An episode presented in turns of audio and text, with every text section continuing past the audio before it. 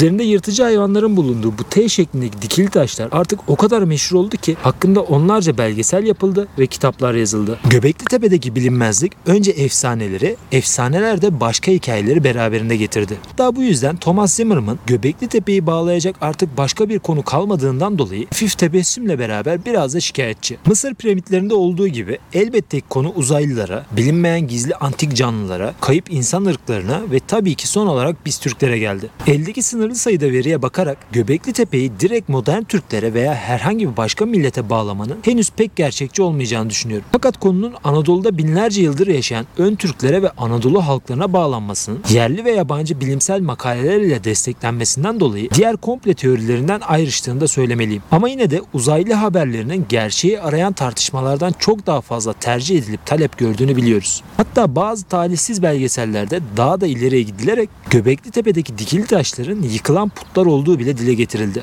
Ben kaynak yetersizliğinden dolayı henüz bilinmeyen ve açıklanamayan tarihi konular hakkında fikir yürütülmesine karşı değilim. Her ne kadar saçma bile olsa dayatmaya dönüşmediği sürece her fikrin konuşulabilmesinden yanayım. Sıradan insanların, gençlerin ve çocukların her şeyi ayıp, yanlış, saçma ya da günah demeden sorgulayabiliyor olmasını destekliyorum. Fakat hak ederek ya da etmeyerek belli bir makama gelmiş yetkili kişilerin ve kurumların hakkında en ufak bir bilgisi olmadığı halde bilirkişi şeklinde akıllarından geçen her düşünceyi gerçekmiş gibi açıklaması özellikle merak ve arayış içinde olan insanların bu kişilerin statüsüne güvenerek yanlış fikirleri bağnaz bir şekilde desteklemesine neden oluyor. Dünyanın Göbeklitepe'den haberdar olması The Guardian gazetesinin ilk önce 2008 daha sonra 2012 yılında ana sayfalarında yayınladığı Stonehenge ve piramitlerden 7000 yıl daha eski olan harika keşifler manşetiyle gerçekleşti. Bu yazılarda önce Göbekli Tepe höyüğü, arkeolojisi ve araştırmaları, daha sonra Urfa Çarşısı, Balıklı Gölü ve tabii ki yemekleri okuyuculara hayranlıkla tanıtıldı. Klaus Schmidt ile yaptıkları iki sayfayı bulan röportajda ayrıca Amerika, Avrupa ve İngiltere'den Urfa'ya nasıl gidileceğini anlatan bilgilere değer verildi. Yabancı bilim insanlarının bütün dikkatini buraya çevirmesi ve kimsenin tatmin edici bir yorum yapamıyor olması çok kısa zamanda Göbekli Tepe'yi popüler kültürün en çok merak edilen konuları arasına soktu. Öncelikle 12 bin yıl öncesinde yaşayan bu avcı toplayıcılar ilkel homo sapiensler değildi. Fiziksel olarak on binlerce yıldır bizimle aynı dış görünüşe sahip, konuşup resimler çizip sanat eserleri ve savaş aletleri üreten küçük kabileler halinde de olsa aileler oluşturmuş insanlardı. Ayrıca M.Ö.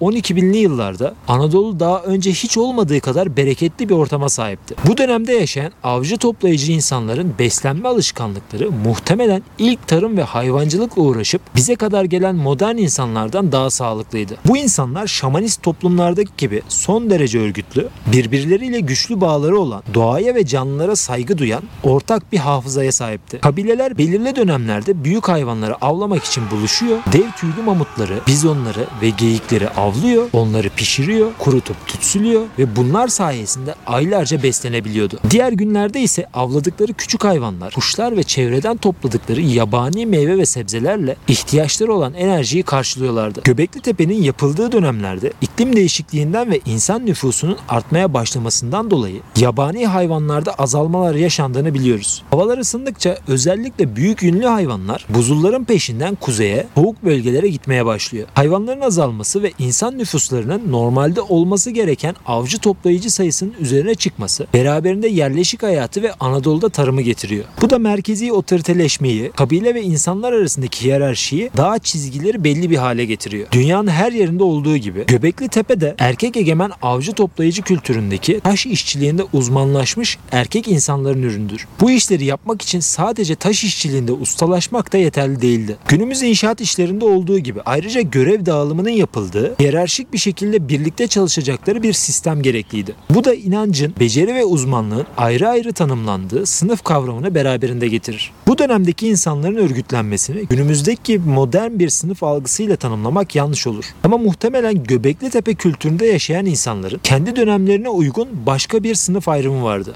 İnşaatı uzun yıllar alacak olan bu yapıları yapmak için burada çalışan insanların ciddi bir organizasyona ve motivasyona ihtiyacı vardı. Düzensiz, plansız, inançsız ve hiyerarşisiz bir ortamda bu sağlanamazdı. 1500-2000 yıl boyunca devam eden ve başka yerlere de taşınan bir yapı kültüründen bahsettiğimizi unutmamalıyız. Neolitik dönemin ilk aşamaları olan bu yıllarda insan kabilelerinin beslenme, depolama ve tapınmak için belirli zamanlarda bir araya geldikleri düşünülüyor. Dişi insanların uzun süren hamilelik süreci sonrasındaki çocuk bakımı ve tabii ki erkeklere göre fiziksel olarak daha zayıf olmaları başta olmak üzere. Bunun gibi birçok sebep bu taş blokların inşasını erkek insanlara bırakmıştı. Taşların üzerindeki kabartmaların çizimlerini sadece erkekler mi yaptı bunu bilmiyoruz. Fakat çizimlerin netliği ve görsellerin kalitesine bakacak olursak bu konuda uzmanlaşan insanların yaptığı kesin. Az önce saydığım sebeplerden kaynaklı dişi insanların bu gibi kaba ve ağır işlerden ziyade daha hafif kolye, takı, figür ve bunların üzerine ya da duvarlara yapılacak çizimler olan küçük eserlerde uzmanlaşması daha akla yatkın görünüyor. Sonuçta böyle bir durumda bir taşı kaldırmak için dişilere oranla daha az sayıda erkeğe ihtiyaç oluyordu. Bu şekilde planlanan bir cinsiyet görev dağılımı fazladan insan ve zaman kazanmak anlamına gelir. Cinsiyete dayalı bu benzer görev dağılımı dünyanın her yerinde birbirinden bağımsız milyarlarca insanın halen uyguladıkları başarılı bir çalışma düzeni. Ataerkil düzen bizleri milyonlarca yıl öncesinden bugünlere getiren, medeniyeti kuran ve modern kültüre kadar da öyle ya da böyle başarılı bir şekilde işlediğini düşündüğümüz bir sistem. Göbekli Tepe'de erkek egemenliği öne çıkaran bir yapı konumunda karşımıza çıkıyor. Özellikle taşlara çizilen resimlere baktığımızda birkaç istisna dışında erekte olmuş agresif erkek hayvanları ve insan figürlerini görüyoruz. Buranın erkek insanlarla alakalı bir buluşma yeri olduğu çok açık. Göbekli Tepe'de en sık rastlanan hayvan motifi yılandır. Dikili taşların üzerindeki hayvanların %30'undan fazlasını yılan çizimleri oluşturur. Kuzey Afrika'dan Doğu Akdeniz'e kadar her yerde yaşayan koca engerek olarak bildiğimiz Macrovipera lebetinus türü zehirli yılan belli ki av yaparken, dinlenirken ve yemek yerken devamlı karşılaştıkları bazen sokularak zehirlendikleri için Göbekli Tepe insanların çok etkilemişti. Bu bölgede nesli tükenen ve günümüzde Washington Sözleşmesi tarafından koruma altında olan bir türdür. Bu yılan Göbekli Tepe taşlarına ya yalnız başına ya da başka hayvanlarla üçlü, dörtlü, beşli ya da on ikili gruplar halinde resmedilmiş. Bazı taşlarda çift başlı olanları da biliniyor. Yılan figürlerini en çok dikili taşların yan tarafındaki küçük yüzeylerde görüyoruz. Bilim insanları hayvansal kalıntılar arasında yılan kemiklerine rastlamadıkları için bu insanların koca engerek ile beslenmiş olduğuna dair teorileri geri plana itiyor. Benzer şekillerde resmedilen bu yılan motifini yakın doğu tarih öncesi sanatında pek çok yerde görmemiz mümkün. Örneğin M.Ö. 9200'lere tarihlenen bu taş plaka Suriye Jerfel'de keşfedildi. Üzerindeki yılanların çizimi daha basit olsa da gayet net bir şekilde anlaşılabiliyor. Canan Domurcaklı'nın 2021 yılında yayınladığı Göbekli Tepe betimlemelerinde iyinin ve kötünün ötesinde bir hayvan, yılan makalesine göre Nevaliçöre'de M.Ö. 8500 yılına tarihlenen taştan yapılmış bir insan kafası üzerinde yılan resmi bulunmakta. Karahantepe'deki dikili taşların üstünde de yılan motiflerine rastlanmakta. Hatta Karahantepe'deki ana kayanın içine oyulmuş yuvarlak yapıların birinin içinde duvara paralel bir oturma yerinin yan tarafında da yılan ve tilki resimleri yer alır. Tilki motifleri de Göbekli Tepe kültüründe en çok gördüğümüz hayvanlar arasında. Tilkinin o dönemlerde de kurnazlığı simgelediği düşünülüyor. Suriye'nin kuzeyinde bulunan Tel Kuaramel'de de benzer yılan motifleri bulunuyor. Körtiktepe betimlemelerinde de yılan çizimleri bulunuyor. Göbekli Tepe'de en çok dikili taş 1, 5, 30, 33, 56 ve taş plakada yılan çizimlerini görmek mümkün. Genelde hepsinin kıvrılma hareketi oldukça düzgün bir şekilde resmedilmiş. A yapısındaki 5 yılandan 4'ünün aşağı doğru hareket ederken birinin neden yukarı doğru gittiğini anlamak zor. Bizim açıklayamadığımız ama yapanların mutlaka bir fikir veya bir amaç doğrultusunda yaptığını düşündüğümüz için bu resimlerin mitolojik bir anlam taşıdığı düşünülüyor. Biz bilmiyor olsak da her yılanın ve hayvanın çiziminde mutlaka başka anlamlar ve hikayeler vardı. Mesela yılan, yaban eşeği, örümcek ya da leopar gibi hayvanlarla bir kez bir arada görünmesine rağmen turna ve boğa ile iki kez bir araya geldiğini görüyoruz. Bu sahnenin tekrarlanması da hikayenin devam ediyor olduğu anlamına gelebilir. Aslında Göbekli Tepe'nin arkeolojik bir alan olduğu yapılan yüzey araştırmaları sayesinde 1960'lı yıllardan bu yana biliniyor. Göbekli Tepe'nin güncel veriler ışığında M.Ö. 9500 ila 7700 yılları arasında kullanıldığı tahmin ediliyor. Bu bölgenin gizemli kutsal bir tapınak olduğu düşüncesi ilk önce Klaus Schmidt'in kendi makale ve kitapları tarafından duyuruldu. Bu yüzden henüz herhangi bir sonuca ulaşılmamasına rağmen Klaus Schmidt Schmidt'i referans alarak Göbekli Tepe'den gizemli kutsal bir tapınak olarak bahseden insanlara kızılarak tarihi saptırdıklarını söylemenin biraz haksızlık olduğunu düşünüyorum. Klaus Schmidt buraya tepedeki katedral adını vermiş ve buranın avcı toplayıcıları çeken bir haç yeri olabileceğini öne sürmüştü. Fakat şu bir gerçek. Burası bir tapınak olsa bile bizim modern yaşamımızda düşündüğümüz gibi bir ibadethane değildi. Çünkü günümüzdeki herhangi bir ibadethaneye girildiğinde hissedilen huzur ve irfan dolu duyguları burada hissetmek pek mümkün değil. Aksine penislerini sertleştirip dişlerini gösteren agresif erkek hayvanların ve insanların çizimi oraya gelen ziyaretçileri tatsız olayların beklediğini işaret ediyor. Bazı duvarlarda bu agresiflik öyle çok artıyor ki sağlı sollu planlanmış bir saldırı şeklini alıyor. Göbekli Tepe insan türünün 2 milyon yıl boyunca verdiği hayatta kalma ve üreme savaşında büyük bir zafer kazandığının göstergesi niteliğinde. Kültürler ve insanlar değişse bile bazı güçlü hayvanların biyolojik özellikleri insanlar üzerindeki etkisini hiç değiştirmemiş. Göbekli Tepe'de bulunan obsidyen, av hayvanı kemikleri ve taş hazneler içindeki bira veya keşkek yapıldığına işaret eden oksalat asidi bu bölgenin çevreden gelen insanların değiş tokuş, ibadet ve şöleni bir arada gerçekleştirdikleri, burayı bir merkez olarak kullanmış oldukları sonucuna yol açıyor. Bu bölgede yerleşik neolitik toplumların yaşam tarzına benzer buluntuların az olması da avcı toplayıcıların burayı belirli dönemlerde gelip kullandıkları sonucunu doğuruyor.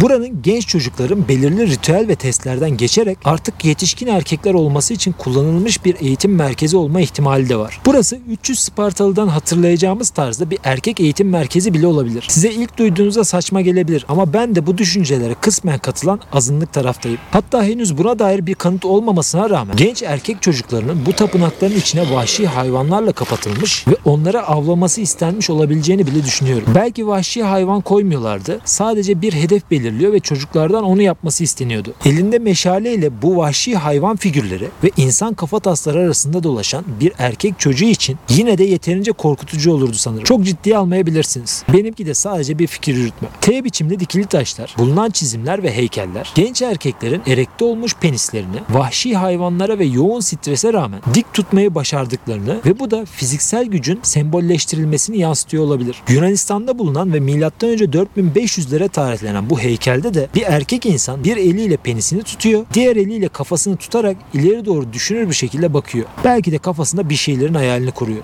Dünyanın her yeri birbirinden bağımsız bunlara benzer heykel ve kaya resimleriyle dolu. Hepsi de erkeklik, güç ve penis üzerine yoğunlaşmış. Örneğin bu görseller Kırgızistan'daki Saymalı Taş'ta bulunuyor. Bu çizimlerin çoğunun şenliklerde eğlen penisleri belirgin şekilde çizilmiş erkek insanların hayvanların ritüellerine ve insanların çiftleşmesine yönelik olduğu düşünülüyor. Ritüellerin ne ile ilgili olduğunu bilmiyoruz. Ama benzer resimlerin ve şenliklerin İskandinav kaya resimlerinde de olduğunu biliyoruz. Özellikle bu İsveç tanımda bulunan kaya resimlerinde hem Orta Asya çizimlerine benzeyen hem de daha gelişmiş ve farklılaşmış detaylar mevcut. Yanlarındaki kurt ya da köpekler benzer olmakla birlikte erkek insanların penisleri güçlerini gösterecek şekilde belirgin çizilmiş. Ellerinde ekstradan baltaların ve kalkanların olduğunu ve ayrıca ilk gemilerin resmettiklerini görüyoruz. Yine benzer şekilde şenlikler ve insan çiftleşmeleri de resmedilmiş. Konunun daha fazla dağılmaması için Orta Asya ve İskandinav örneklerinden bunlar sadece birkaç. Çünkü bu gibi örneklerin yüzlercesi mevcut. Belki başka bir zaman onlar için ayrı bir belgesel yaparım. Fakat bunlar güç ve iktidarın penis ile bütünleştirilmesinin insanın evrim tarihi boyunca devam eden köklü bir süreçten günümüze kadar geldiğini göstermek açısından da kıymetli örnekler. Sahip olunan gücü gösterme isteğinin diğer hayvanların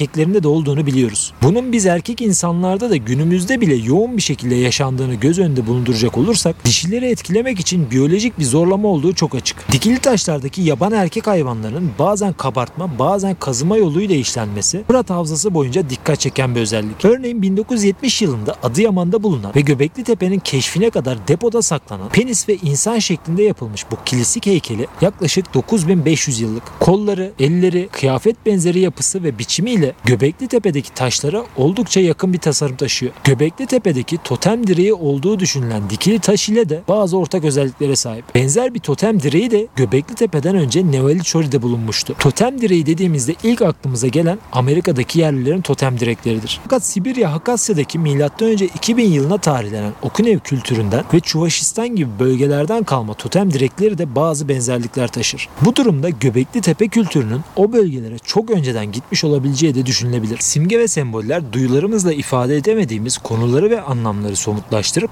bir nesne veya işaret haline getirmemiz temeline dayanır. Bizi diğer canlı türlerinden keskin bir şekilde ayıran özellik de simgeler kullanarak anlaşabilme yeteneğimizdir. Günümüzde yazılar ve emojiler nasıl bir hikaye ve olayı anlatıyorsa Göbekli Tepe'deki bu hayvan resimleri de muhtemelen bir veya birden fazla olayın sahnelenmesine imkan tanıyordu. Kil taşlardaki motiflerin farklılıkları, bazılarındaki hayvan ve detayların diğerlerine göre daha çok veya daha net olması bu resimleri çizenlerin aynı ustalar olmadığını da bize gösteriyor. Muhtemelen bütün bu tasarımlar farklı zamanlarda başka ustalar tarafından çizilmiştiler. Belki de her usta kendi hayat deneyimlerinden ve inanışlarından farklı çıkarımlar yapmış, o bölgeye gelenlere de bir şeyler anlatmaya çalışmıştı. Avcı toplayıcı ustaların bu bölgeyi seçmesinde önemli birkaç tane etken var. Harran Ovası'ndaki tepelerin çevreden geçen av hayvanlarını takip edip avlamak için uygun olması ve taş tepelerin inşası için ihtiyaç duyulan kireç taşlarının bölgede bol bulunması başlıca sebepler arasında yer alıyor. Bu bölgede inşa edilen tepeler birbirine yakın mesafedeydi ve açık havada muhtemelen birbirlerini görebiliyordu. Fakat yine de yeni mahalle gibi örnekler bu merkezlerin sadece tepelerde değil ovalık alanlarda da olduğunu bize gösteriyor. Benim keyifle dolaştığım Balıklı Göl'ün yakınlarında bulunan yeni mahallede Neolitik dönemin ilk başlarına tarihlenen bir yerleşme ve burada gerçek insan boyutları göz önüne alındığında dünyanın en eski heykeli olan Urfa adamı keşfedildi. Şanlıurfa Arkeoloji Müzesi'nde sergilenen Urfa adamı da iki eliyle penisini tutuyor ve ciddi bir yüz ifadesiyle maskülen bir duruş sergiliyor. Göz çukurlarına yerleştirilen obsidyenler sayesinde muhtemelen kendisine yaklaşan kişilere verilmek istenen mesaj çok daha baskın bir hal alıyordu. Bu taştan erkeklerin korku ve saygınlık istedikleri çok açık. Urfa adamı ile ilk defa karşı karşıya geldiğimde farkında bile olmadan istediği bütün saygıyı ona gösterdiğimi hatırlıyorum.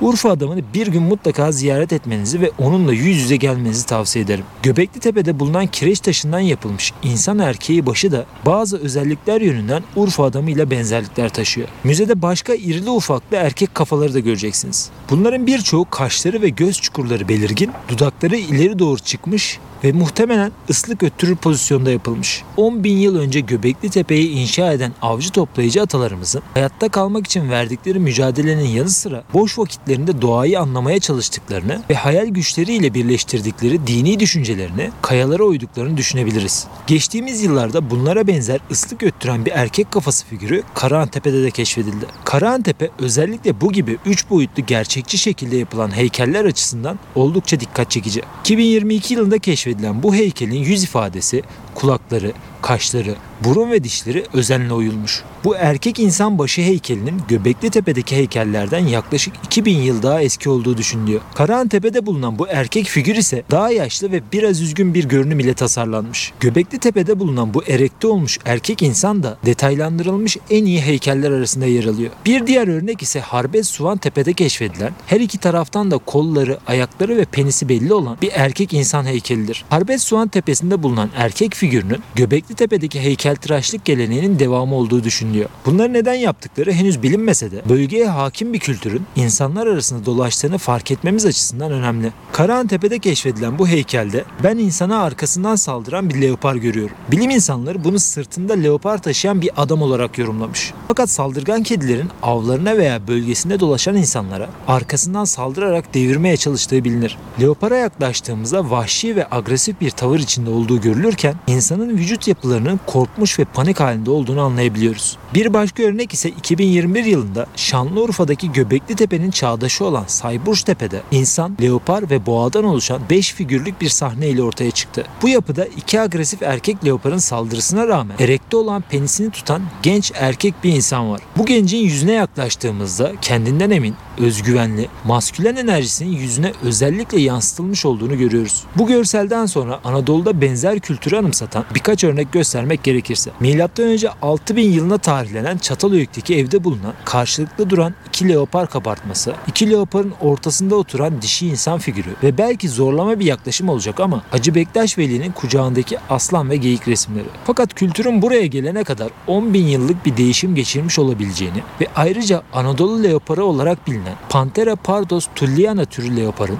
bu döneme kadar neslin epey tükenmiş olabileceğini de hatırlamak lazım. Yani hayvanların türü ve anlatılmak istenen anlamlar değişiyor ama sanki temel kompozisyon aynı kalıyor. Sayburç Tepe'deki görselin sol tarafına gittiğimizde yine bir boğa saldırısı karşısında alaycı bir şekilde bir elinde yılan tutan erkek bir insan olduğunu görürüz. Ortadaki erkek insan figürünün boynundaki üçgen kolye ya da yakalık şeklindeki çizgiler bölgedeki neolitik insan figürlerinin birçoğunda var. Bazı bilim insanları buranın bir tür çiftleşme ve doğa anayı döllemek için kutsadıkları bir bölge olduğunu da düşünüyor. Karlakırt gibi bilim insanları ise buranın yemek için avladıkları hayvanlar ve tanrılarla uzlaşma içine girmeye çalıştıkları, suçluluk duygularını gidermek için çeşitli sunumlar yaptıkları bir yer olarak yorumluyor. Tarih boyunca bütün kültürlerdeki erkek gruplarının görevi av, işgal ve savaş gibi durumlarda stresi aile ve kabileden uzak tutmaktır. Av hayvanlarının azalmaya başlamasıyla aile ve kabilelerini yeteri kadar besleyemeyen erkeklerin avladıkları hayvanların kızgınlık dönemlerinde buraya gelip onları ve kendilerini daha çok üremeye teşvik etmeye çalışmış olmaları da bu bölgeye dair yürütülen fikirler arasında. Ölü doğumların çok yüksek olduğunu, kalabalıklaşan nüfuslardaki erkek ihtiyacının savaş ve avcılık için artık çok daha fazla arttığını düşünecek olursak gerçekten de buraya çeşitli ritüellerle doğa anayı döllemeye gelmiş olabilirler. Thomas Zimmerman bulunan bazı taş yapılardan dolayı artık Göbekli Tepe'nin üstünün açık değil kapalı olduğunu söylüyor. Yapılara bakılacak olursa bu binaların bazılarına yandan girilirken bazılarına üstten giriliyordu. Karlakıt günümüzdeki avcı toplayıcı kabilelerin toplum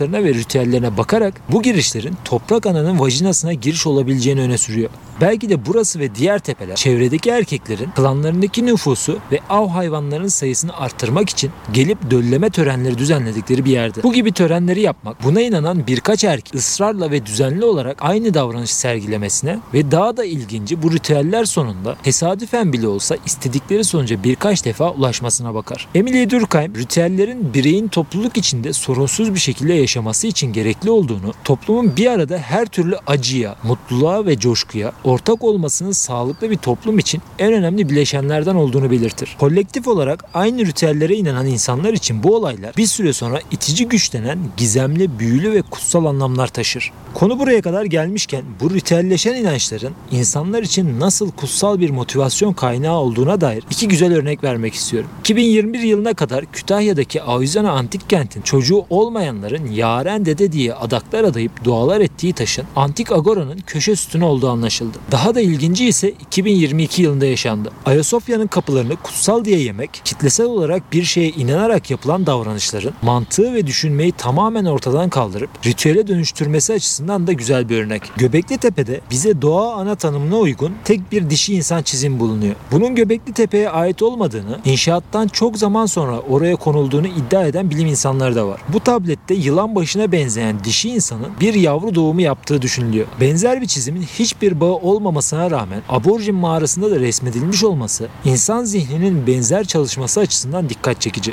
Bölgede bulunan bir dilek ağacının 10 bin yıl sonra bile çocuğu olmayan dişi insanlar tarafından üreme ritüelleri için kullanılması, kültürel hafızanın aradan geçen uzun yıllara rağmen aktarılarak devam edebildiğini de kanıtlar nitelikte. Bütün dinler tarihi iki konunun etrafında ilerler. Doğum ve ölüm. Yaşanan mutluluklar, anılar, hatıralar, üzüntüler, törenler ve inançlar bu ikisine bağlı olarak ilerler. Kontrolümüz dışındaki bu iki olayın etkileri Göbekli Tepe'de de yoğun bir şekilde hissediliyor. Herhangi bir tanrı, tanrıça veya doğaüstü varlığa inanmadan da dindar olabilirsiniz. Dikkatli inceleyecek olursanız günümüz seküler ateistlerin veya spiritüel inanca sahip bazı insanlar birçoğunun bağnaz denecek şekilde dindar olduğunu görebilirsiniz. Biri bir taşa bakarak ilahi kudreti hissederken diğeri uzayın sonsuz derinliklerine bakarak bunu hissedebiliyor. Doğa ile iç içe yaşayan, daha ilkel kalmış toplumlar yaban hayvanlarına ve soyut tanrılara tapar ve onları kutsal sayarken doğadan uzaklaşan ve şehirde yaşayan fakat medeniyetin henüz ulaşmadığı, kasaba kültürünün hakim olduğu toplumlarda bunun yerini evcil hayvanların ve spiritüalizmin aldığını görebilirsiniz. Göbekli Tepe'deki insanlara bu şekilde bakacak olsak dahi bizden farklı değildi. Teknoloji ve bilgi kaynaklarımızı ayrı tutacak olursak birçok anlamda onlardan üstün olduğumuzu düşünmüyorum. Tarih öncesinde yaşayan insanlar binlerce yıldır doğa, gökyüzü ve hayvanlarla ilgileniyor. Bunları bazen bir sonraki nesillere eğitmek ve uyarmak için bazen de belki de sadece zevk olsun diye duvarları resmediyordu. Uçsuz bucaksız izleyebilecekleri gökyüzü ise hayatlarının her anını şekillendirdiği için en çok ilgilendikleri konuların başında geliyordu. Günümüzde arkeoastronomi gökyüzündeki hareketlilerin bu antik çağ insanlarının hayatlarını ve kültürlerini nasıl etkilediğini araştıran arkeoloji başta olmak üzere astronomi, antropoloji, haritacılık ve mitoloji gibi birçok farklı alandan faydalanan bir bilim dalıdır. Yerli ve yabancı birçok makale, kitap ve bilim insanı Göbekli Tepe'deki avcı toplayıcıların gökyüzüyle ilgilendiklerini iddia ediyor. Örneğin 2015 yılında yayınlanan Göbekli Tepe şamanları ve ürettikleri kozmik semboller makalesine göre dünya genelinde Sicard, Magli, Delarensis, Joplak, Andrew Collins ve Türkiye'den Özgür Barış Etli gibi bazı bilim insanlarına göre Göbekli Tepe göksel cisimleri gözlemek adına kullanılan bir gözlemeviydi. 2017 yılında Mediterranean Archaeology and Archaeometry dergisinde yayınlanan Edinburgh Üniversitesi'nden iki araştırmacının makalesine göre de Göbekli Tepe yapılarının aslında gökyüzünü incelemek için kullanılan gözlem evleri olduğu ve kabartmaların bazılarının yıkıcı sonuçlar doğuran kozmik bir olayı betimlediği iddia ediliyor. Fakat Göbekli Tepe ekibinden Jens Notroff şimdiye kadar herhangi bir gök cisminin gözlendiğine dair ikna edici bir kanıt ortaya atılamadığını bu çalışmaların hepsinin tartışmalı konular olduğunu ve bu yüzden kesinlikle daha derin bir araştırma yapılması gerektiğini dile getiriyor. Thomas Zimmerman ise Göbekli Tepe'nin üstünün kapalı ve içinin kapkaranlık olması sebebiyle buranın göğü ve yıldızları izlemek için hiçbir şekilde kullanılamayacağını belirtiyor. Gökbilimci Özgür Barış Etli'ye göre Göbekli Tepe sadece şamanların özel günlerde bir takım ritüeller gerçekleştirdikleri bir yer değil, aynı zamanda şaman olma yolunda eğitim alan kişilere çeşitli astronomik ve mitolojik bilgilerin aktarıldığı bir spiritüel gelişim merkeziydi. Etli aynı zamanda Göbekli Tepe kültürü ile Anadolu ve ön Türk kültüründeki motiflerin benzerliklerine dikkat çeken çalışmalar yapıyor. Kapsamlı ve detaylı bilgi için kitaplarını ve makalelerini açıklama kısmından okuyabilirsiniz. Barış Etlik, Göbekli Tepe, Anadolu ve ön Türk kültürü arasında bir köprü olduğunu düşünen tek bilim insanı değil. Klaus Schmidt ve George Peters dahi 2004 yılında yayınladıkları makalede Göbekli Tepe ve önceleri sadece Orta Asya'da olduğu düşünülen ama günümüzde Doğu ve Güneydoğu Anadolu'da da bulunan Balbal kültürü arasındaki olası bağlantıya atıfta bulunmuş ve bir mantık yürütmeye çalışmıştı. Feridun Agasoğlu, Elena Oknatnikova, Osman Karatay, Erif Feigl, Kazım Mirşan, Seyit Ahmet Kutukadam, Semih Güneri, Haluk Tarcan, Ahmet Koçak, Aygun Kosaveya, Murat Öztürk, Ekaterina Lipnina gibi bilim insanları da Göbekli Tepe, Anadolu ve ön Türk kültürleri arasında bazı köprüler olabileceğinden bahseder. Örneğin 2022 yılında İstanbul'da gerçekleşen dünyaya kültür taşıyan ön Türk kurultayında bilim insanları son yıllarda geliştirdikleri Sibirya Göbekli Tepe hipotezinin sunumunda 30 bin yıl önce Sibirya'da yaşayan avcı toplayıcıların bütün Asya'ya, Doğu ve Kuzey Avrupa'ya yapılan göçlerden bir tanesinin Zagros dağlarına ulaştığını ve bu insanların kültürlerini buraya getirmiş olabileceklerini paylaştılar. Arkeolojik ve genetik araştırmalarla desteklenen bu çalışmaya göre Sibirya'dan bir teknoloji göçünün veya alet transferinin Göbekli Tepe bölgesine kadar geldiği düşünülüyor. Medyada yanlış anlaşılmalara neden olsa da bilim insanları bu insanlara bildiğimiz anlamda Türk demenin doğru olmayacağını, onun yerine ortak ata kavimler demenin daha mantıklı olduğunu da ekliyor. Arkeon News'in haberinde ise Orta Asya Arkeoloji Araştırmaları uzmanı Semih Güner'i Göbekli Tepe'de Sibirya'da kullanılmış taş alet teknolojisinin izlerine rastlandığını bildirmiş. 2014 yılında Science Direct'te yayınlanan makaleye göre de Elena Oklatnikova, Altay Türklerinin kaya resim alanlarından biri olan Kalbaktaş hayvan betimlemeleriyle Göbekli Tepe hayvan kabartmaları arasında çeşitli benzerlikler olduğunu ve bunun her iki kültür arasında kurulan kültürel bir köprü olabileceğini belirtmiş. Burada Klaus Schmidt'in Göbekli Tepe ve Orta Asya balbal totem kültürüne benzetmiş olmasına biraz dönmek istiyorum. Klaus Schmidt bu dikili taşları gördüğünde bunları haklı olarak balbalların duruşuna benzetti. Çünkü Göktürk stellerinin vazgeçilmez unsuru olan bir kap tutma pozisyonu Göbekli Tepe'deki dikili taşlarda da vardı. Özellikle Hakasya totem örnekleri ve erkek insan heykelleri de birçok benzerlikler taşıyor. Konusu gelmişken haber siteleri sağ tarafta gördüğümüz heykelin senelerdir kayıp olduğunu yazıyordu. Sanırım ne yazık ki halen bulunabilmiş değil. Fakat bunları anlatırken arada en az 8000 yıllık bir tarih olduğunu tekrar vurgulamalıyım. Yaptığımız bu karşılaştırmaların çoğu binlerce yıl aralıkta gerçekleşiyor. Ve eğer bu kültür Sibirya'dan geldiyse Sibirya ve geldiği rota boyunca Göbekli Tepe'den çok daha eski benzer tapınaklar veya dikili taşlar bulmamız gerektiğini düşünüyorum. Balbal benzeri örneklerin Türkiye sınırlarında da keşfedilmesiyle bu tartışmalar tekrar çok daha aktif bir hal aldı. Bazıları Göbekli Tepe dikili taş kültürünü, bazıları Göktürk stel kültürünü, bazıları her ikisinde yansıtır şekilde yapılmış. Bunun ilk örnekleri 1998 yılında Hakkari kent merkezinde bir okulun bahçesinde tesadüfen keşfedilmiş. Van Müzesi'nde sergilenen ve Anadolu'nun bulunan ilk çıplak savaşçı stelleri olan bu heykeller bulunduğu günden beri gizemini korumaya devam ediyor. Hakkari stelleri Anadolu coğrafyasında bulunan ilk çıplak savaşçı stelleridir. 13 stelden 11 tanesinin erkek insanlara, 2 tanesinin dişi insanlara ait olduğu düşünülüyor. Burada ilgi ilginç bir fark görüyoruz. Çünkü bu stellerdeki erkeklerin penisleri suspansuar adı verilen külot ile kapatılarak resmedilmiş. Milattan önce 2000'li yıllarına tarihlendirilen bu stellerdeki erkeklerin yanlarında balta, mızrak, topuz gibi silahlar, bellerinde de kemer ve daima bir hançer var. Ayrıca steller üzerinde bozkır türü çadırlar, leopar avı ve yaban keçilerine saldıran başka leopar gibi yaban hayvanları da resmedilmiş. Avrasya bozkır kültürünün bir parçası olduğu düşünülen bu steller Doğu Anadolu'da bulunması büyük bir heyecan yaratmıştı.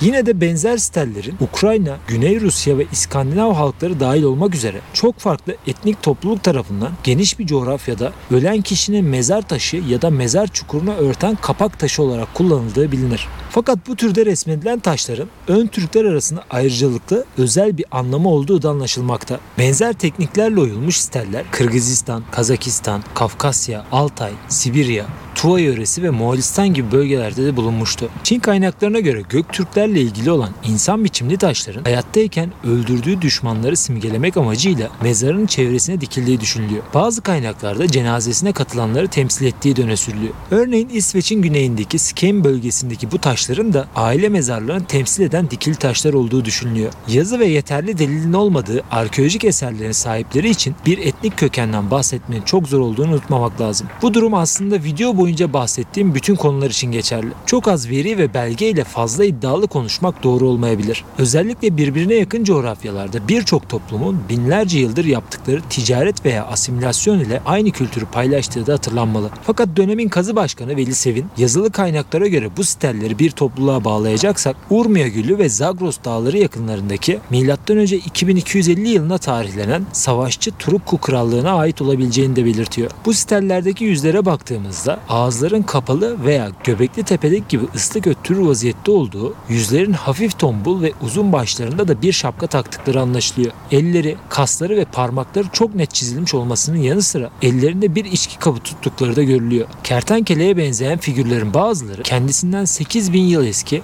Göbekli Tepe'deki dikil taşları oldukça benzer şekilde resmedilmiş. Sevin bu stellerin bir kutsal alana dikilmiş olabilme ihtimalini de dile getiriyor. Ama yine de heykellerde Tanrı'ya benzer işaretler olmadığı için Tanrı'dan çok çadırlarda yaşayan ve aydan hoşlanan göçebe çoban savaşçıların resmedildiğini de ekliyor. Bölgeden çıkacak yeni dikili taş veya steller bu kültürleri ve o dönemde yaşayan insanları anlamamıza daha çok yardımcı olacak. Göbekli Tepe ve binlerce yıl boyunca devamı gibi göreceğimiz bazı dikili taş ve stellerin benzerliği gerçekten gerçekten de bu kültürün Anadolu'ya ne kadar çok yayılmış olabileceğini gösteriyor. Benzer dikili taş anıtlar, kurgan mezarlar, balbal denen taş heykeller, Atlantik'ten Pasifik okyanusuna kadar uzanan Avrasya coğrafyasının hemen hemen her yerinde farklı biçimlerde de olsa bulunuyor. Fakat taşlara yontulmuş insan biçimli ya da benzer amaçlar taşıdığı düşünülen totem, sütun, heykel ve steller İspanya'da, İngiltere'de, Kolombiya'da, Meksika'da, Maya, Aztek ve diğer kültürlerde, Bolivya'da, Şili'de,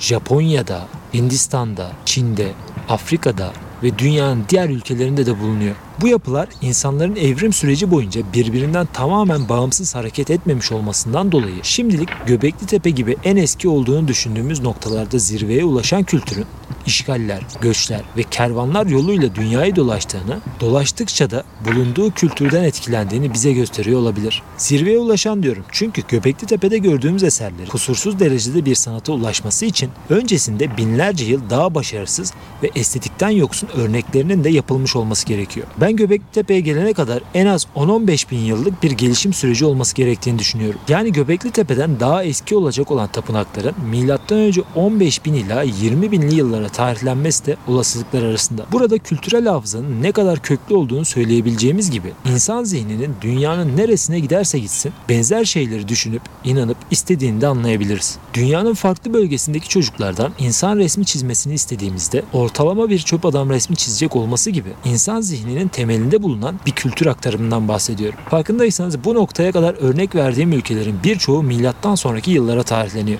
ve özellikle konar göçer ya da daha ilkel kalmış toplumların eserleri. Halbuki Anadolu ve Mezopotamya'daki uygarlıklar az önce saydığım örneklerden 4000 yıl öncesinde, Göbekli Tepe'den ise 5000 yıl sonrasında neredeyse kusursuz diyebileceğimiz taş eserler üretecekleri teknolojiye ve sanata geçmişlerdi. Göbekli Tepe kültürünün doğduğu coğrafyanın çevresinde gelişen Sümerler, Akatlar, Urlar, Asurlar, Hititler, Mısırlılar ve tabii ki Romalılar artık stel, heykel, anıt yapma konularında müthiş uzmanlaşmışlardı. Hatta artık sadece taştan değil, bronz, gümüş, altın gibi birçok farklı materyalden de heykeller yapıyorlardı. Fakat Göbekli Tepe ve Dikili Taş kültüründe gördüğümüz bazı temaların ve inanışların özellikle Anadolu işlerindeki köylü insanlar arasında çeşitli şekilde değişiklikler geçirse bile yaşamaya devam ettiğini görebiliyoruz. Bunun iki farklı örneği var. Birincisi çeşitli dikili taş ve stellerin Anadolu'nun çeşitli yerlerinde bulunmasında, ikincisi de Çatalhöyük'te. Türkiye'de bulunan dikili taş, stel ve mezar örnekleri birkaç farklı şekilde görülüyor. Bunlardan bir tanesi koç şeklinde tasarlanan mezar taşları. Mustafa Aksoy'un 2019 yılında yayınladığı makaleye göre dünyadaki ilk koç koyun başlı mezar taşları 1772 yılında Hakasya'da bulunmuş. Fakat çok daha ilkel bir hali olan koç betimlemelerini Orta Asya'daki kayalıklarda ve Türkiye'de bolca görüyoruz. Günümüzde bilinen hiçbir inanış, din ve mitoloji olduğu yerden çıktığı gibi kalmamış. Kökleri binlerce yıllık kültürel genlerinde saklı bir şekilde dolaşıp farklı coğrafyalara dağılıp kaynaşarak bugünlere ulaşmış. Koç betimlemelerini binlerce yıldır Avrasya'nın ve özellikle Türklerin yaşadığı her yerde mezar taşı olarak kullanıldığı için inanç ve taş kültürünün devamı olarak yorumluyoruz. Bunun örneklerini Cengiz Al Yılmaz ve Semra Al Yılmaz'ın yayınladığı makaleye göre Moğolistan, Kore, Çin, Azerbaycan, Gürcistan, Türkmenistan, İsrail, Van, Tunceli, Malatya, Ankara, Bitlis, Rize, Nevşehir, Iğdır, Samsun, Bayburt, Diyarbakır, Muş, Erzincan, Elazığ gibi illerimizde fazlasıyla koçbaşı mezarları örneklerini görmek mümkün. Tespit edilen ve bilinen 24 ilde 300'ün üzerinde benzer mezar taşı keşfedilmiş. Hazır konusu gelmişken 2020 yılında yayınlanan haberlere göre özellikle Tunceli'de bulunan koçbaşlı dikil taşların kırıldığını görüyoruz. Bu tarihi eserlerin acilen koruma altına alınması gerektiğini tekrar hatırlatmış olmak isterim. Bunlar insanların özellikle de Türklerin bu coğrafyada hayvan tasvirlerini, damgalarını ve sembollerini kullanarak diğer hayvanlar, insanlar ve Tanrı ile olan ilişkisini, duygu ve düşüncelerini yansıtmaya çalışması anlamında güzel örnekler. Özellikle insan biçimli mezar taşları hem Türkler hem de diğer milletler arasında görülen bir mezar taşı yapısıdır. Burada örnek olarak Türkiye'de bulunan insan biçimli mezar taşı olarak kullanılan dikil taş örneklerinden ilerleyeceğiz. Bunların binlerce yıl sonra yapılmasına rağmen Balbal veya Göbekli Tepe kültürüne benzer biçimler sergilemesi yine insan zihninde dolaşan kültürün kaybolmadığını gösteren başka bir örnek. 2019 yılında Uluslararası Tarih Araştırmaları dergisinde yayınlanan makaleye göre Eskişehir İnönü'de bulunan bu heykel ön Türk ve Anadolu gömme adetleri açısından da kıymetli bir dikili taş. Bulunan bu insan biçimli dikili taşın kesin olarak balbal olduğu konusunda çeşitli şüpheler olsa da bölgenin tarihi buluntuları nedeniyle yine bir ön Türk kültürü ile yapılmış olabileceği düşünülüyor. Taş heykelin volkanik malzemesi bunun bulunduğu bölgede yapıldığını yani başka bir yerden getirilmediğini gösteriyor. 2017 yılında Sedat Bayrakal'ın yayınladığı makalede görülen Uşak Ulubey'de bulunan mezar taşları da oldukça dikkat çekicidir. Bayrakal makalesinde bu dikili taşlar hakkında şöyle bahsediyor. Bugüne kadar hiçbir mezarlıkta karşılaşmadığımız bir form ve görünüme sahip mezar baş taşının ilk bakışta fes tipi başlığa sahip olduğu hemen algılanıyorsa da asıl dikkat uyandıran kısmı fesin alt kesiminden itibaren başlamaktadır. Fesin alt bitiminden itibaren ortada bir buruna ait olabilecek çıkıntı görülmektedir. İki yanda göz çukurları ile çenenin varlığı algılanmaktadır. Boyunda kimi bakış açısına göre yaka, kimine göre ise işaret olarak değerlendirilecek ters V şeklinde kazıma bulunmaktadır. Boyun bitimindeki omuzlar belirgindir. Gövde bir insana ait hissi verecek şekilde kıvrımlı değil düz devam ettirilmiştir. Omuzun başlangıcından gövdenin ortasına kadar olan bölüm hafif yarılmıştır. Türkler Müslüman olmadan önceleri mezar taşlarını hayvan ya da insan biçimli heykel ve dikil taşlar şeklinde yapıyordu. Ve aslında birçoğu kendi mezar taşlarından çok öldürdükleri düşman sayısı veya törenine katılanlarla ilgiliydi. Özellikle Orta Asya'da bulunan bu balballar çoğunlukla sade biçimli olur, yüz ve vücut hatları fazla detaylandırılmazdı. Buna örnek olarak Tuva, Kırgızistan, Kazakistan, Altay ve Ukrayna balbalları gösterilebilir. Bu yüzden Türkiye'deki insan biçimli olan heykellerin köklü bir ortak kültürel mirasın etkisinde olduğunu söylemek yanlış olmayabilir. Çeşitli insan biçimli heykel ve dikili taş tarzı örnekler şimdilik Ardahan, Iğdır, Erzurum, Adıyaman, Kars, Sivas, Malatya, Tunceli, Elazığ, Artvin, Tokat, Eskişehir, Afyon, Aydın, Kırşehir, Erzincan, Akşehir ve Denizli gibi şehirlerimizde keşfedildi. Bulunan heykellerin bazıları doğrudan insan biçimliyken bazıları daha çok soyut bir görünüme sahip. Osmanlı döneminde de insan biçimli soyut mezar taşı örneklerinin çok olduğunu biliyoruz. Benzer şekilde antik uygarlıkların mezarlıklarında da çok farklı insan biçimli ya da anıt şeklinde dikili taşlar bulunuyor. Fakat konunun çok daha fazla dağılmaması için ben bu video boyunca sadece insana benzetilmeye çalışanlara odaklanmaya çalışıyorum. 2021 yılında bilim dilinde yayınlanan bir makaleye göre Erzurum Şenkaya ilçesinde iki genç koyunları otlatırken bu dikili taşı bulmuşlar. Atatürk Üniversitesi'nde görevli Osman Mert yaptığı incelemeleriyle bulunan bu eserin Kıpçak Türklerine ait bir mezar taşı olduğunu belirtmiş. Bu örnek ise Kırım'dan. Rusya Bilimler Akademisi Arkeoloji Enstitüsü tarafından 2018 yılında bulunan bu dikili taşların İskitlere ait olduğu düşünülüyor. Bozkır dergisinin birinci sayısında yayınlanan makaleye göre 2016 yılında Zonguldak Öberler köyünde insan biçimli mezar taşları bulunmuş. Erzincan Çayırlı, Konya ve Erzurum Hınıs'ta insan biçimli ve farklı tasarımlarla resmedilmiş başka mezar taşları, Adıyaman Besni ve Araplar köyünde, Eskişehir Aşağı Çağlayan'da insan biçimli heykeller, Afyon Seyirci ve Akşehir'de çeşitli hayvan, olay ve hikayeler anlatan çizimler, Anadolu'nun farklı bölgelerinde yakın zamana kadar bu geleneğin sürdüğünü gösteriyor. Kayseri Develi'deki insan biçimli bu mezar taşlarında da yüz, göz, ağız ve boyundaki V şeklindeki desen özellikle belirtilmeye çalışılmış. Kayseri'de benzer şekilde tasarlanmış dikili taş ve mezar taşları bulmak mümkün. Azerbaycan Bakü, Karabağ'da bulunan çoğunlukla oturur pozisyonda olan insan biçimindeki mezar taşları da oldukça önemli ve dikkat çekicidir. 1998 yılında Aydın Müzesi'ne kazandırılan insan biçimli bu heykel de incelemeye değer dikili taşlar arasında. Bu heykelin yüz kısmı düzleştirilmiş, burun ve gözler özellikle belirgin şekilde tasarlanmış. Gözler birbirine yakın badem şeklinde, burun ise düz olarak tanımlanmış. Dikkatli bakıldığında heykelin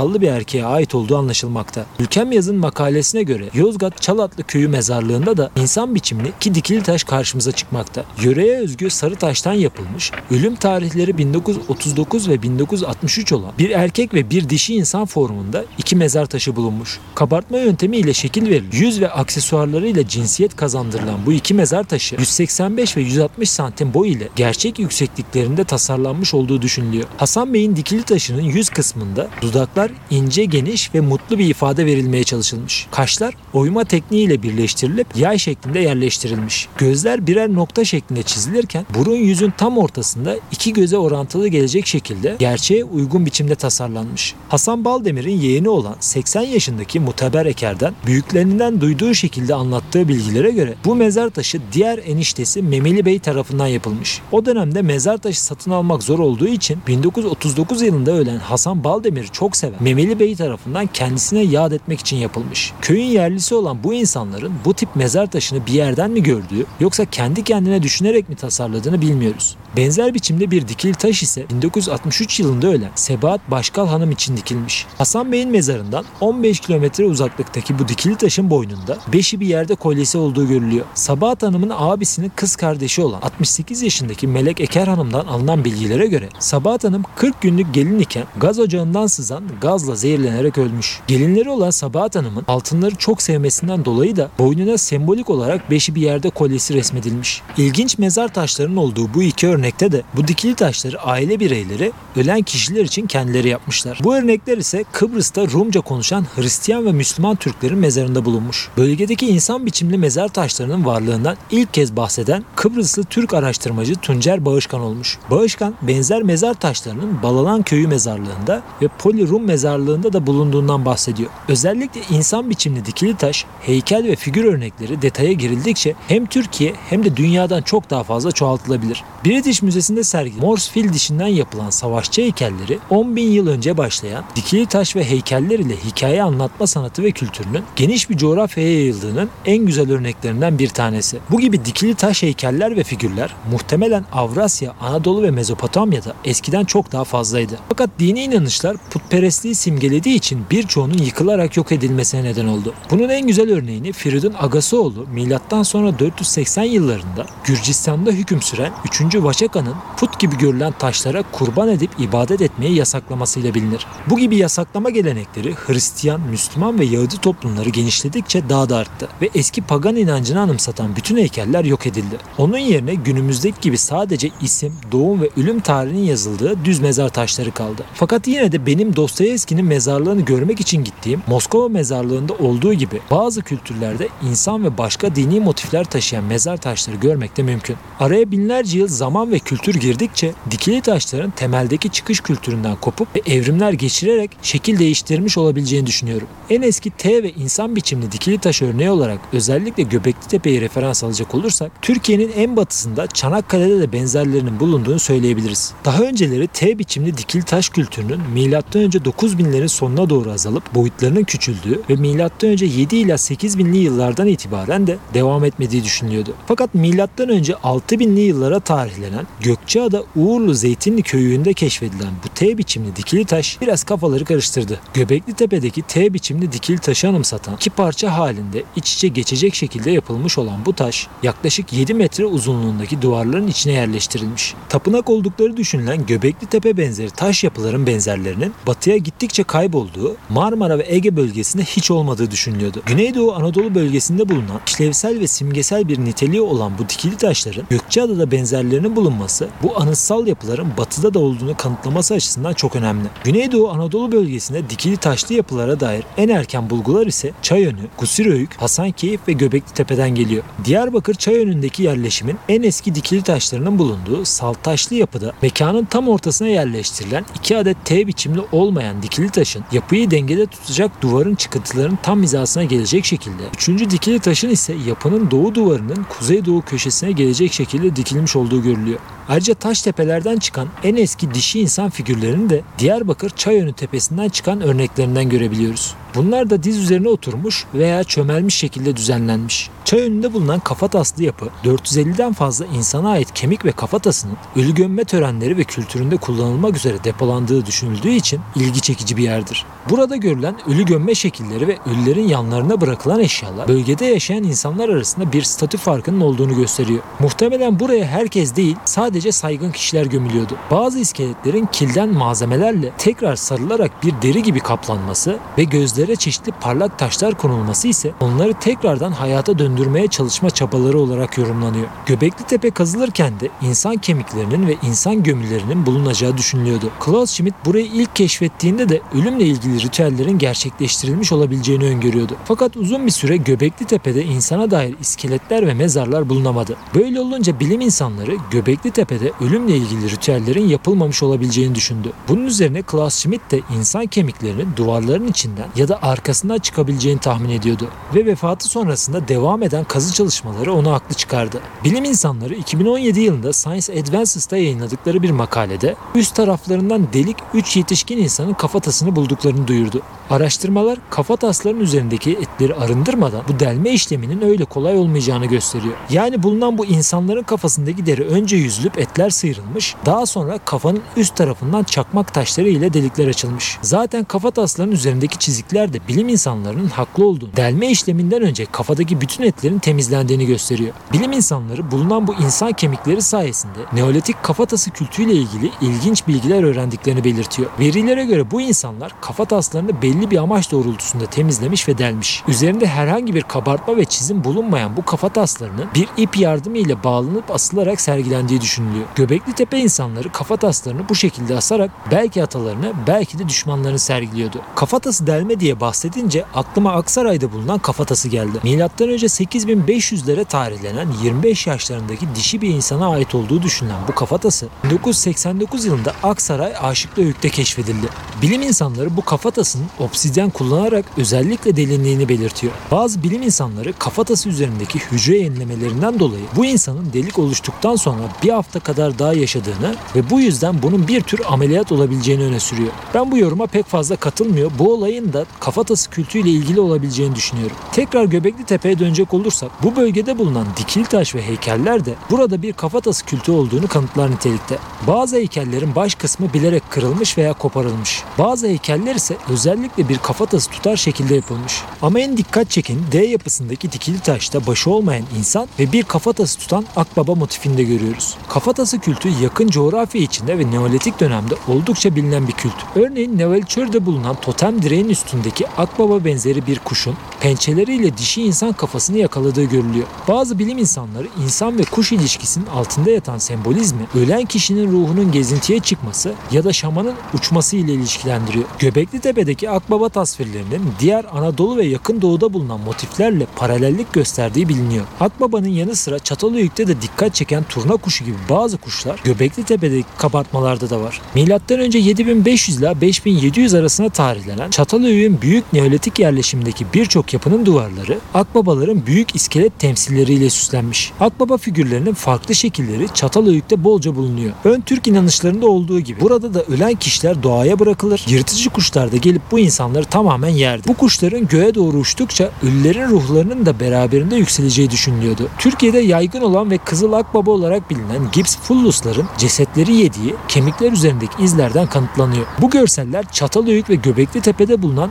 Akbaba ve başsız insan çizimlerinin karşılaştırılmasını gösteriyor. Çatalhöyük ile Göbekli Tepe'deki sanat ayrımı işlenen yer anlamında farklılık gösteriyor. Göbekli Tepe'de motifler tapınak diye düşünülen dikili taşların üzerine işlenirken Çatalhöyük'te evlerin duvarlarında görüyoruz. Şimdilik insanların neden evlerin içinde bu kadar çok boyamalar yapıp sanat eserleri bıraktığını bilmiyoruz. Ama Çatalhöyük'te ölen bazı insanların başının gövdesinden ayrılıp kırmızı kille kaplandıktan sonra diğer iskeletin yanına belirli bir düzen alacak şekilde konulduğunu biliyoruz. Şu an gördüğünüz fotoğraftaki iskelet öldükten sonra kafası kille kaplanan bir insan kafatası örneği. Bu ise başka bir başsız insan iskeleti. Çatalhöyük ve Göbekli Tepe'yi bir arada karşılaştırabileceğimiz başka örnekler de var. Özellikle boğa çizimleri, boynuzları ve iskeletlerini Çatalhöyük'te de Göbekli Tepe'de de ve hatta diğer tepelerde de görüyoruz. Mesela Güsüröyük'teki dikili taşların etrafında törensel uygulamalarla ilgili olduğu düşünülen çok sayıda hayvan boynuzu ve yaban koyunların kafatasları görülüyor. Ayrıca bu mekanların taban altlarında da insan gömüleri var. Benzer uygulamayı Hasan Keyföyük'ten de biliyoruz. Göbekli Tepe'de çok miktarda yaban hayvanı kemiği bulundu. Bulunan kemiklerin hepsi de yaban hayvanlarına ait. 20 civarında memeli, kuş türü ve iki balık türüne ait toplamda 42'den fazla farklı hayvan türü belirlenmiş. Kirpi,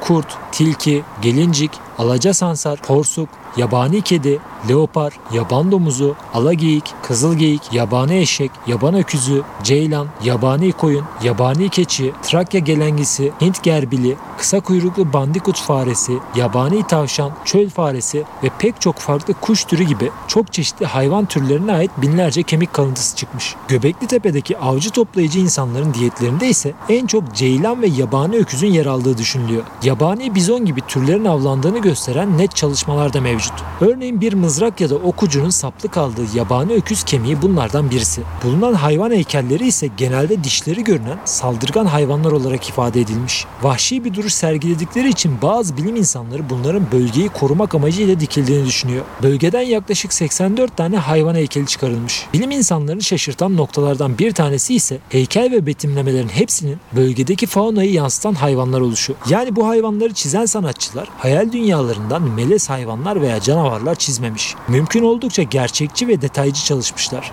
Geçtiğimiz yıllarda Şanlıurfa'da bulunan Göbekli Tepe ve çevresindeki diğer 11 arkeolojik alandan oluşan taş tepelerde kazılar başladı. Türkiye'de şimdiye kadar gerçekleşen en büyük arkeoloji projesi olan bu araştırma Göbekli Tepe, Karahan Tepe, Harbes Suvan Tepe, Gürcü Tepe, Kurt Tepe, Taşlı Tepe, Sefer Tepe, Ayanlar Tepe, Yoğunburç Tepe, Sayburç Tepe, Çakmak Tepe ve yeni mahalleyi kapsıyor. Bizim Göbekli Tepe ile tanıdığımız ve aslında geniş bir coğrafyayı kapsayan bu kültür sürecinin ortalama 2000 yıl kadar kesintisiz bir şekilde yaşadığı öngörülüyor. Güneydoğu Anadolu'nun da içinde bulunduğu verimli hilal günümüzdeki gibi algılanmaması gerekse de ilk köylerin ve tarımın başladığı yerlerdir. Buradaki kültür bize yüz binlerce yıl süren bir yaşam tarzında artık köklü bir değişim yaşanmaya başladığını anlatıyor. Mesela 2022 yılında Niğde Sırçalı Tepe'de bulunan arkeolojik eserler bu bölgenin geçmişini 9300 yıl geriye götürdü. Volkanik Kapadokya bölgesinde obsidyen kaynaklarına yakın bir noktada yer alan Sırçalı Tepe ilk olarak 2016 yılında yüzey araştırmaları sırasında bulunan obsidyen işleme alanı kemik ve sürtme taş aletleriyle keşfedildi.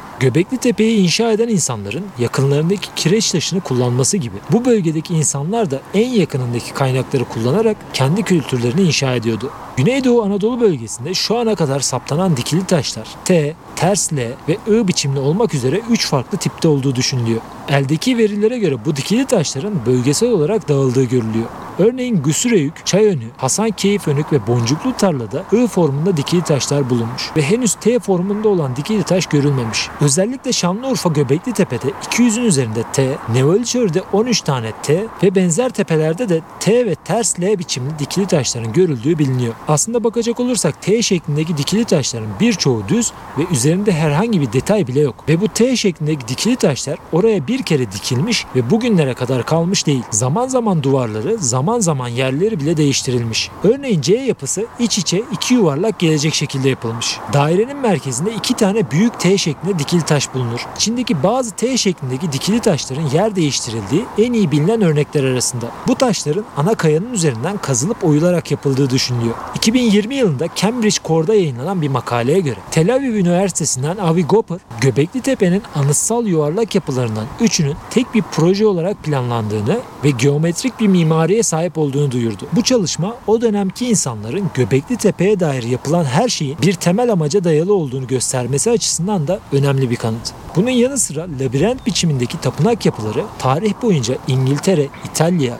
Suriye ve Hindistan gibi farklı kültürlerde de görülmekte. Kutsalın insan zihninde sınırsız ama karmaşık bir biçimde kendini tekrarlama özelliğine sahip olduğunu söyleyebiliriz. Tüm bu kült ve özel yapı çoğunlukla yerleşim yerlerinin özel olarak seçilmiş belirli bir alanında yer alıyor. Bunların ortalama 2000 yıllık bir süre boyunca kullanılması ve kullanıldıktan sonra planlı bir şekilde homojen bir toprak ile gömülerek üstlerinin örtülüp gizlenmeye çalışılması oldukça dikkat çekici. Bu anıtsal yapılar ve dikili taşlar dönemin topluluklarında yaşayan insanların temel düşünce ve inanışlarının sosyolojik ve psikolojik bir yansıması niteliğinde. T biçimli dikili taşların insanı temsil ettiği görüşünü benimseyecek olursak simgesel olarak insanın belki tanrılardan da yardım alarak doğa ve hayvan üzerine bir hakimiyet kurmaya çalıştığını söyleyebiliriz. Dikili taşlar üzerinde çizilen inançlarla ilişkili hayvan motifleri avcı toplayıcı insan topluluklarının dünya görüşlerini oluşturan en önemli simgesel unsur olduğu açıkça görülüyor. Özellikle farklı hayvan türlerinin birbirleriyle bir iletişim halinde olması ve bazı motiflerin fazlasıyla kafa karışıklığı yarattığı da göz önünde bulundurulacak olursa buranın sözlü hikayeyi anlatan insanların tanrılar, hayvanlar, kahramanlar, yaratılış ve ölüm hakkında mitler ve öyküler oluşturduğu da düşünülebilir. Burada bulunan hayvan kemikleri temel olarak ceylan, yaban sığırı, alageyik ve yaban domuzu gibi av hayvanları ve vahşi hayvanları kapsıyor. Kemik ve bitkisel kanıtlar burayı kullanan insanların avcı ve toplayıcı olduğunu net bir şekilde gösteriyor. Yani bu topluluklar henüz tarımsal faaliyetlere geçmemişlerdi. Zaten buranın yerleşim amaçlı kurulan bir alan olmadığı da açık.